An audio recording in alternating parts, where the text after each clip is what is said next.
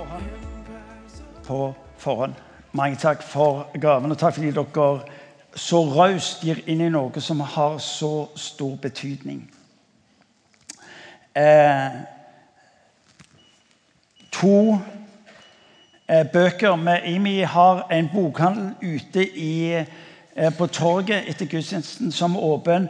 Eh, vet du hva? Der er det så mye klokt lagra mellom to permer at du må ikke nøle med å gå ut der og finne ut er det noe som er viktig og relevant for deg. Folk sier at vi kan ikke så mye, men det er ikke så farlig. det Hvis andre kan det og har skrevet det ned, så er det jo din mulighet til å briljere. Folk tror du er ysla klok, og sier ja. Faktum er at ingen av oss er egentlig sånn eh, selvlærte. Vi har jo lært av hverandre og sånn sett også fått lov til å bringe videre det Gud har velsignet andre med. To ting som jeg ønsker du skal ta med. Det ene er boka av eh, Gina Gjerme. Hun er med pastor sammen med Øystein Gjerme Salt i Bergen bl.a. Hun har skrevet en bok som heter 'Bro til bro'. En inspirasjonsbok om å dele tro. Det viktigste med denne boka er kanskje vel så mye som å bygge bro til mennesker rundt deg. Eh, la mennesker oppdage at du er tilgjengelig.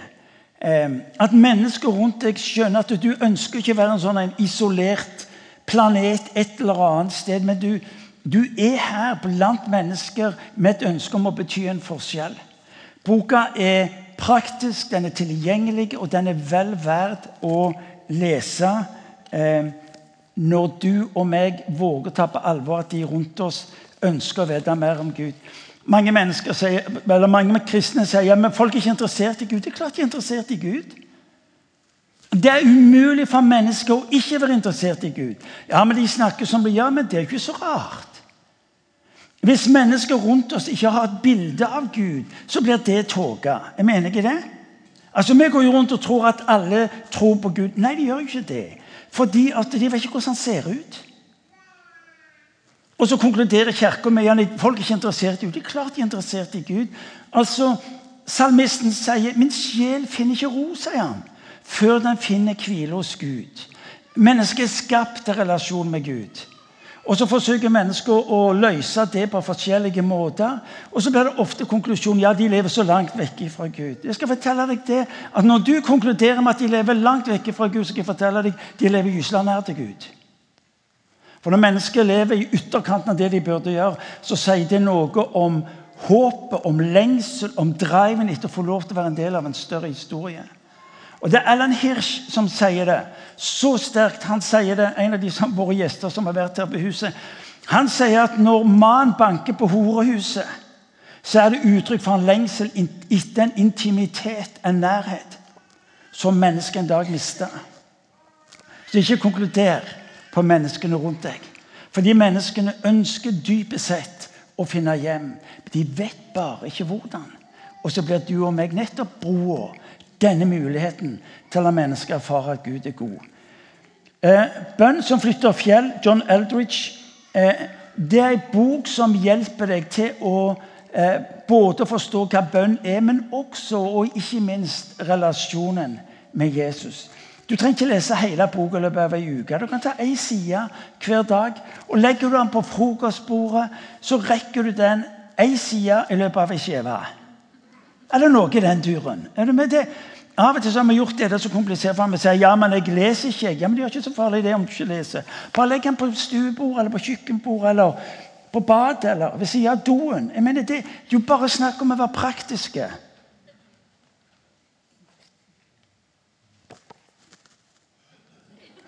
Dere som ikke nikker, dere vet ikke. Bøkene får du der ute i bokhandelen, og du er hjertelig velkommen til å um, kjøpe. Du, her Jeg må se hvor mye tid jeg har. Her har jeg altså ekstrakter av en doktorgrad om godhet. Det er helt utrolig. Er, folk driver på å skrive doktorgrader om godhet. Og vi tror jo at det er bare vi som regner med godhetens betydning. Og så er det altså side opp og side ned hvor der altså gjennom forskning gjennom systematisk kontroll så konkluderer de med at godhet er noe av det viktigste et menneske kan oppleve i livet. Fordi det setter mennesket fri til å våge å tenke og tro de rette tankene om seg sjøl. Fikk den i siste uke og tenkte dette er rett og slett spennende. Og dere kommer til å høre mye om de tider som kommer. Det er jo noe av det vi har drømt om. Det er jo at denne verden skal skjønne at eh, når de har med Jesus å gjøre, så har de med godhet å gjøre. Når vi leser i Bibelen om at Jesus gikk rundt og gjorde godt, så var det fordi at han ønsker å berøre mennesker med godhet. Du er skapt for Husker du jeg sa sist gang? Så sa jeg du er skapt for, du er designa for å bli elska. Det er sjokking det for mange mennesker. Fordi mange mennesker tror de fortjener straffen. Mange mennesker tror at de fortjener å bli holdt utafor og nedfor. og hele den regla der. Skapt for å elske. Men du er også skapt for å elske. Det er dagens tema, egentlig. Du er skapt for å elske. Eh, det er uhyre interessant. I denne forskningen så, så påviser han at når du og meg opplever godhet, utøver godhet, så skjer det en kjemisk reaksjon i huet ditt. Du tror at nå tuller jeg, men dette er sant. Når du en, når du opplever godhet, eller utøver godhet, så skjer det en kjemisk reaksjon i huet ditt som gir deg en opplevelse av lykke. Hvor mange av dere ønsker lykke i livet? Godhet er faktisk den billigste, men kanskje også den mest effektive form for lykke. Det gjelder på det mentale plan, og det gjelder på det emosjonelle plan. Denne doktorgraden eh, eh, sier mye om det. Og så er du og meg som mennesker vi er skrudd sammen sånn at vi går rundt og venter på at vi skal oppleve en eller annen form for lykke husker Jeg hadde besøk av en afrikansk student som var på universitetet. Studerte i tre år. Og så spurte jeg han, du, hva er det du oppdager hos nordmenn som du vil si er det mest utprega med nordmenn. Og så sier han dere har et intenst fokus på å skulle være lykkelige. At vi må være lykkelige. At vi må kose oss på en slik måte at vi kjenner vi er lykkelige. Det var hans inntrykk. Nemlig jag etter fokuset på å skulle være lykkelige. Du er skapt for godhet. Du er skapt for å gi godhet videre. Se på naturen. Når du ser i naturen, så ser du hva som skjer. Det, er noe som produseres, og som gis videre. Hver høst oppdager du og meg hvordan denne naturen lever i sin gode balanse.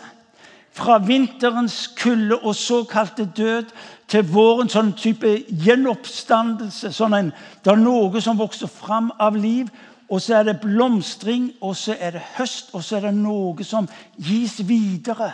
Slik at det kan skapes. Det er frø, det er nytt liv som gis mulighet for å kunne eh, multipliseres og ha betydning videre. Alt rundt oss alt rundt oss en demonstrasjon og vitnesbyrd om at vi er skapt for å gi videre. Godhet er å gi videre. Det er den billigste lykkepillen som finnes. Den amerikanske doktorgraden den, den tok en undersøkelse av giveren, av den som var mottaker, og det som skjedde med miljøet rundt dem. Og det er interessant.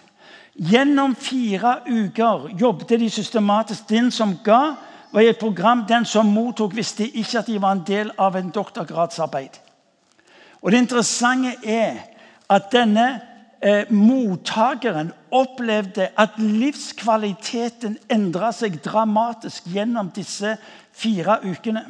Ja, Det som var enda mer interessant, det var jo at fra den fjerde uka og tre måneder fram i tid, når den såkalte godhet var slutta å bli gitt, så vokste det. Og det akselererte i betydning. Fordi at menneskene som hadde opplevd godhet, begynte å gi det videre. Det andre som er interessant, det var at giveren skjer det noe med. Eh, og Doktorgradsarbeidet forteller at menneskene som var, de var depressive, de var isolerte, hadde dårlige relasjoner med omgivelsene. De hadde et selvbilde som var lavt og skrøpelig. De forteller gjennom disse fire ukene så skjer det en markert endring i selvforståelsen, i betydning, i nettverk med mennesker rundt seg. Og som doktorgrad nå konkluderer med, overfor depresjon viser det seg å kanskje være noe av det mest effektive. Vi ønsker å se mennesker berørt av godhet. Ikke bare enkeltmennesket, men vi ser gjennom rapporten Gjennom rapporten så så de at miljøet rundt de som både utøvde godhet, og de som mottok godhet, skjedde det en betydelig endring. Og En av de beste eksemplene på disse er jo vår egen Frida Kristin fra hennes arbeidsplass. Det interessante er at når Bibelen skal betegne Jesu og hans liv på jorda, så snakker det ikke primært om alle undertegnene, men det står at han gikk rundt og gjorde godt. Uhyre interessant. Når, når forfatteren av Apostelens gjerninger skal koke dette her ned, så sier han han gikk rundt og gjorde godt. Jesus gikk rundt og gjorde godt, og så står det på slutten av setningen og så helbredet han de som var undertrykt av djevelen. Jesus gikk rundt og gjorde godt. Det er interessant med Jesus. Fordi at eh, du leser i evangelieberetningen at han igjen og igjen og igjen og igjen så blir han enten stoppa Mennesker ropte etter ham. 'Hei, du, Jesus, forbarm deg over meg.' Eller så så han mennesker. Han så en som lå, og så stoppet han opp. Eller han ble stoppa av ei dame som var så fortvila at uh, han var nødt til å stoppe, for hun dro kraft og liv ifra ham. Altså, Jesu vandring var en vandring hvor han kontinuerlig lot seg stoppe for å utøve godhet. Folkens, Det er budskap til oss, det. I en verden som holder på å forgå i travelhet. Ei kirke som driver med så mye bra aktiviteter at vi godt mulig ikke har tid til å lære av mesteren som, som stoppet opp. Som hadde tid til å bli forstyrra. Som lot seg forstyrre. Han har ett ønske. Det å se sin kirke fremstå på samme måten. Fordi at behovene folkens, det er ikke slik at de kommer i kontortida. Det er ikke slik at de kommer i treffetid. Det er ikke slik at de kommer når vi har lagt til rette for det. Jesus lot seg forstyrre, eh, avbryte, stoppe kontinuerlig. Evangelieberetningene er beretninger om godhet som fikk muligheten ved at han ble stoppa. Og det gjelder deg, og det skal få lov til å meg. Eh, det interessante er at når Jesus skal siteres i Apostlenes gjerninger, så et av de få stedene det er der i Apostlenes gjerninger, kapittel 20, vers 35, hvor han sier det er større lykke å gi enn å få. Han demonstrerte det. Han demonstrerte det. Noe av det som var Poenget med doktorgraden det var å, hvordan kunne de skape en ny kultur i enkeltmennesker sitt liv. Fire uker. Fire uker. Vet du hva? Ditt sted kan være nettopp det som du har hørt om eh, godhet, som kommer om 14 dager. Godhet Stavanger. Et sted å starte fem dager noen sier ja, men det er mye. Jeg kunne nesten på å si hvordan kan du la være? Hvis jeg gir inn så mye, så får jeg så mye. Gir jeg inn så mye Altså, Bibelen sier et sted i uh, Lukas 6 Gi, så skal du gis. Når, når Imi er opptatt med godhetsuka, så er det på den ene sida å se mennesker bli berørt. Det var vårt fokus når vi starta opp. Vårt fokus var hvordan kan vi sjokkere byen. Og godheten kom fram. Det vi oppdager seinere, det, det var ikke bare de folka som fikk hjelp eller som ble møtt. som velsignes. Vi ble jo enda mer velsigna. Men det som nå vokser fram hos oss, det er jo erkjennelsen at vi skaper en kultur som gir mennesker viktig fundament for å møte livet. Så jeg kan nesten få si eh, Hvis du nå koker dette ned til ja, den dagen han til, så tenker jeg vet du hva, du må ikke gjøre det. La meg si det rett ut. Altså For meg betyr det ingenting om du er med en dag eller hele uka. I og for seg isolert. Men mitt ønske om å se ditt liv forvandla, omgivelsene berørt, folkens, da rører vi med noe som er langt mer enn at et hus, en husvegg blir malt eller et bed blir rydda og, og lukt. Fordi du ved ved å la godheten få sjanse i livet ditt, vet du hva, så skjer det noe med din syke, med din selvforståelse, på en slik en måte at omgivelsene vil sakte, men sikkert berøres av det og vil bli forandra ved ditt liv og ved mitt liv.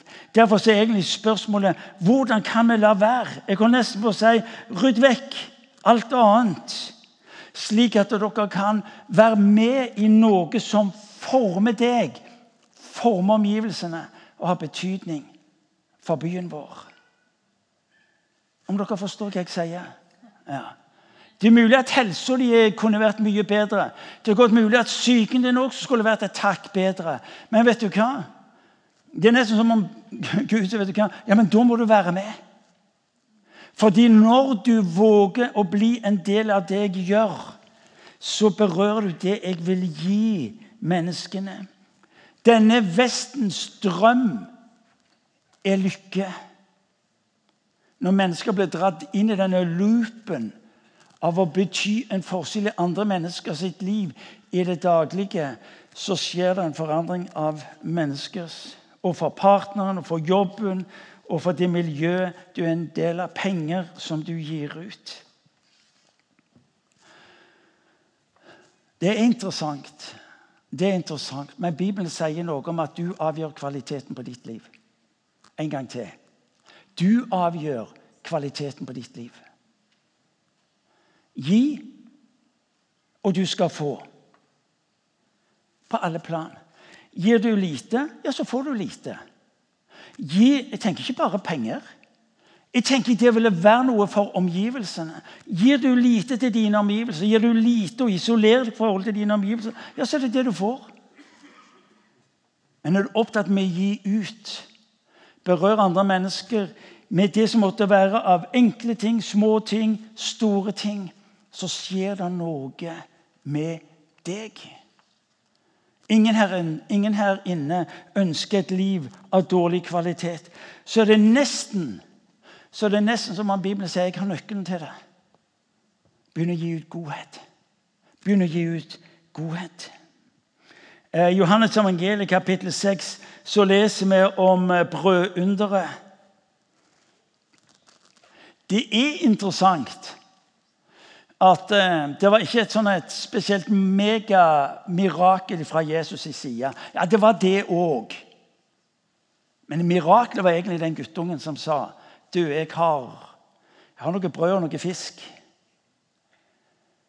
Vi går jo rundt og tror at disiplene tok det fra guttungen. Ja, Da hadde det blitt et leven.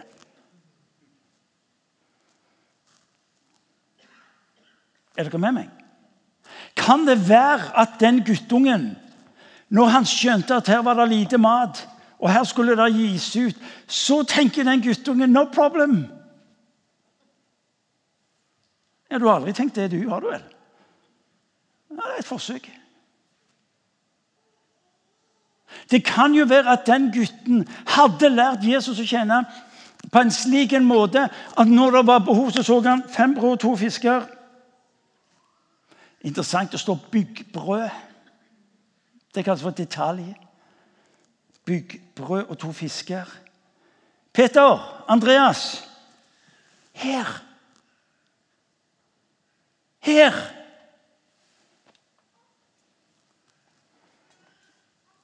Jeg liker mye bedre den versjonen enn at det du og meg har gått rundt og trodd hele veien. At Andreas så det var en som hadde matpakken, så tok han den. Det er jo ikke fint i det hele tatt. Det er jo definitivt ikke pakt med de verdiene som Jesus har. Hvis vi tenker etter. Det står noe om det at hvis du skal gi, så skal du gi med glede. Så, sånn sett så må, Jeg prøver bare at du skal få tak i poeng. Så guttungen han forsto at når han var sammen med Jesus, så var disse fem byggbrødene og de to fiskene Ja. Hvis du tror jeg overdriver, så bare gå hjem og les.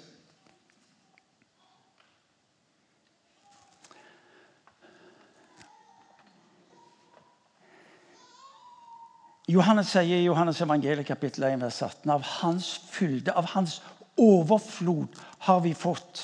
Og den nåde på nåde. Når Bibelen rekker oss nesten utallige løfter på liv om hvem Gud vil være i ditt og mitt liv, så er det ikke for at du og meg skal drømme om en himmel der framme hvor dette kan virkeliggjøres. Han har gitt oss sitt ord fordi at du og meg skal våge å tro at som han, som han uttrykker seg i Bibelen, slik vil han være i ditt og mitt liv. Og hvis han snakker om overflod, fylde på fylde, så tror jeg han mente det. Når gutten der oppdager at de mangler noe, så oppdager han at vet du hva? Her kan det lille jeg har, bety noe. Så var det jo akkurat det som skjedde. For når du og meg får lov til å demonstrere godhet, gi ut godhet, berøre og bli berørt, så er det noe mer enn bare de fysiske elementene eller de ord du bruker. Fordi at du og meg tror at jeg får lov til å være han i denne verden. Slik at det jeg rekker fram, er ikke bare blått elementer, men det er faktisk òg et nedslag av himmel. Av himmel. Når menneskene ser deres gode gjerninger, sier Jesus, så skal de tilbe min far i himmelen. Og det er så enkelt.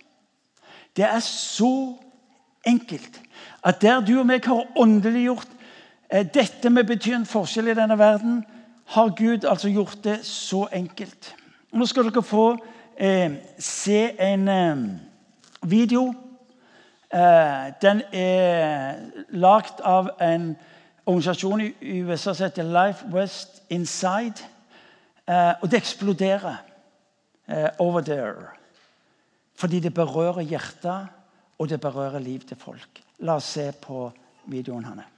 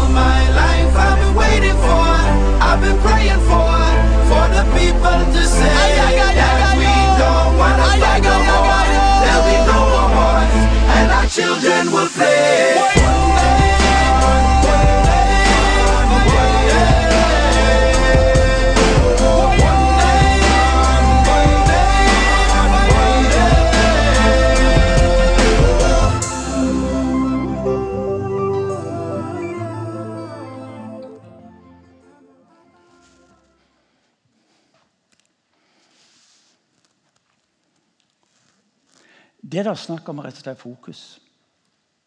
Fokus på å se. Fokus på å møte. Fokus på å gi ut på en måte som jeg ser jeg kan, og som ikke sprenger rammene for det som måtte være livet. Når vi snakker om godhet i IMI, så er det ikke primært om å se et kortsiktig eh, opplevelse eller en situasjon bli møtt. Denne rapporten forteller at eh, i det kortsiktige bildet så opplever mennesker eh, en emosjonell opplevelse i øyeblikket. Men der hvor de opplever å møte det over tid, så skapes det en kultur. Det skapes en kultur i vedkommende som opplever det. Ved at vedkommende begynner å se. Vedkommende begynner å se etter. Vedkommende er opptatt med å se mulighetene til å kunne gi ut godhet. Det er det du og jeg kalles. Det var det som kjennetegna Jesus. Og Det er ikke snakk om at nå, ja, dette vil kreve tid og penger. Nei, det gjør ikke det. Denne videoen i sin enkelhet den forteller noe om at det er jo nettopp underveis at du og meg får lov til å bety denne forskjellen. Nettopp når du og meg som en Kristus underveis betyr denne forskjellen i mennesker sitt liv. Det er der du og meg skal få lov til å være med våre liv. Og når du og meg har gjort det lenge nok Denne undersøkelsen den forteller om at folk var der i fire uker. Da forandres noe eh, grunnleggende i vår måte å se på omgivelsene på. Og det er det du inviteres til. Her skal utfordringene komme. Eh, ja, la meg forresten få si én ting. Eh, kristne kan kanskje ha en tendens til å se til det som eh, er, er viktig. Altså, Godhet sorterer ikke til hva som er viktig og ikke viktig, nødvendig og ikke nødvendig. Det er et faktum at Når dere leser Johannes evangeliet kapittel 2, og Jesus er i selskap i et bryllup og, og Der hadde de holdt på i tre dager, og de hadde drukket mer enn nok i det såkalte vinunderet. Men Jesus så vet du hva? Hvis de nå går blir for lite av drikkevarer i bryllupet, så blir det til skam, og det blir til ikke et godt rykte på familien. Og det Jesus gjør, han sørger for at de får nok vin for nye tre dager. Og jeg lurer på hvordan de så ut, de folka, når de var på vei hjem. Etter å ha drevet på i seks dager med den beste vinen til slutt. Det er sånn. Ja, vi, vi, vi, ser alltid et åndelig perspektiv. Vi trenger ikke tolke at det er et åndelig perspektiv. De var godt prisende, for å si det sånn. Ja, godt prisende. Eh, ikke, vær, ikke om det er veldig viktig, det du skal gjøre. Se hva som er et menneskes behov. Våg å gjøre det. Før så har jeg utfordra folk på å, på å eh, ta tre ganger til, til, dagen. Når du står opp om morgenen, så bare Hvem kan jeg få lov til? Nå øker jeg det. Fem ganger til dagen. Hvem er det jeg kan få lov til å se på med gode øyne? Og fortrinnsvis mennesker som ikke fortjener det kollegaene som du ikke tåler trynet på. De menneskene som har gjort deg urett. Hvorfor sier jeg det sånn? Jo, for det er sånn mesteren ser på deg og meg. Det er faktum, det, folkens. Fem ganger. Skriv det ned i kalenderen din eller på iPhonen din. Når du trykker på iPhone, så kommer det opp, så står det fem, og så vet du hva det betyr. For det du ikke blir bevisst på, det vil du heller ikke gjøre. Og det du ikke gjør, blir heller ikke en del av livet ditt. Og det som ikke blir en del av livet ditt, blir heller ikke en vane. Og du fortsetter å gå mennesker forbi som Kristus har kalt deg til å bety en forskjell i. Det kan være alt ifra, det kan være alt ifra en kopp kaffe Det kan være å skulle stemme, bestemme seg for i de neste ukene at hver dag skal jeg sende en enkel melding til et menneske som trenger en oppmuntring. Hver dag. En melding til et menneske som trenger en oppmuntring. Du og meg vet at når våre venner eller mennesker som du har lite eller ingen kontakt med, mottar en melding som kan gå på det enkleste eller på noe du er blitt minnet om, du vet jo ikke hva det betyr. Du har mobilen foran deg, så tenker du Gud, hva vil du si til dette mennesket? Så tar du 30 sekunders pause, og så, så skriver du ned der. Tenkte på deg, ba for deg. Dette kom til meg betyr en forskjell. Det gir folk mot. Det gir folk en opplevelse av å bli sett. Det gjør noe med selvbildet. Du og vi skal få lov til. Skal vi få lov til å gi folk en gave? Gi folk en oppmerksomhet. La dem få merke, som du så i videoen Hjelpe noen med å bære pakkene. Hjelpe noen med å rydde kanskje en kollega som har veldig mye å gjøre. Tilby han. Kan jeg få lov til å hjelpe deg? Kanskje gå til noen som synes å ha en dårlig dag. Du ser det. Du merker det. Vet du hva? Når du og meg tar oss inn i, i denne her prosessen av å se godhet bli en del av våre liv, skjer det noe med måten du ser på omgivelsene. Du ser ikke menneskene primært som det de er. Vrange, vanskelige eller ikke hyggelige. Men du ser dem på, på, en måte som Kristus ser dem, og der skal du og meg få lov til å være. Eh, ja, men Hvis jeg ikke har rett motiv, da kan du tenke ja, men det er ikke så farlig, det. Folk sier men jeg må jo ha et rett motiv. Ja, hvorfor må du det? Den som mottar god, godhet, er ikke opptatt med ditt motiv. Den som opplever godhet, er takknemlig for det han opplever. Ikke verre enn det. Og Faktum er det at hvis jeg skal vente eh, i mitt liv på når jeg har de rette motivene vet du hva, Da hadde jeg jo aldri fått gjort noe. For jeg oppdager jo stadig vekk hvordan her stikker fram og vil ha ære og anerkjennelse og alt det der. Jeg kan ikke bry deg med det. For da blir det ingenting ut av det. Og som sagt, hvis kaffen er god når du har med deg en kopp kaffe til kollegaen, så er det det kollegaen vil være opptatt med dere får tak i hva jeg forsøker å si. Eh, jeg skal begynne å slutte. Godhet, Stavanger, er noe langt mer enn at et menneske i øyeblikket får hjelp på noe som er utfordrende. Du er med på å skape. Du skaper noe for den som mottar, men du skaper også en forandring i ditt eget liv. Bibelen kaller det for å være med på det Gud gjør. Eh, de som ikke tenker åndelig eller tenker Jesus, de vil se vet du hva? Når du gjør det, sørger du for at ditt liv vil fylles med lykke. Visste du at verdens samla reklame Budsjettet er på 550 milliarder kroner. Hvis mål er primært at du og meg skal oppleve lykke. Et bedre liv.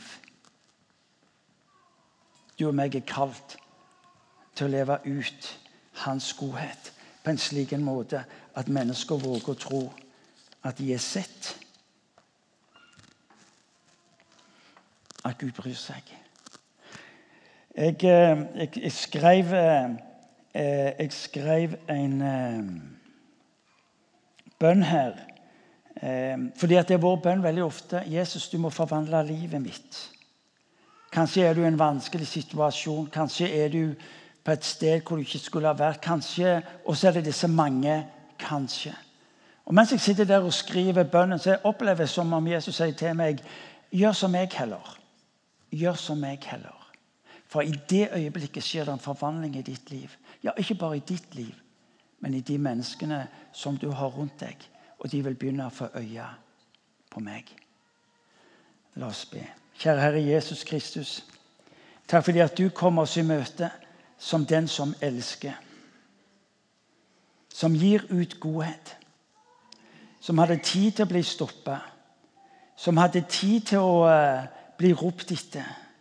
Som hadde tid til å våge å se mennesker nettopp i den situasjonen som de var i. Herre, med tanke på ditt oppdrag, med tanke på alt det du skulle gjøre.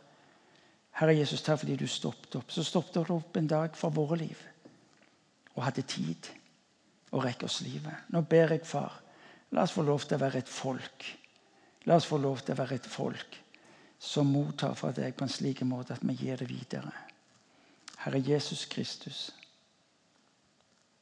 takk fordi du er mellom oss som den som elsker. Og Vi ber for om at det skal gå rykte i denne byen og denne regionen om godhet. Fordi vi hadde skapt en kultur Herre Jesus, vi hadde våget å leve ut det livet du hadde for den enkelte av oss. Så kom, Hellige Ånd. Kom, du Hellige Ånd, og gi oss å se som du ser, og handle som du handler. Amen.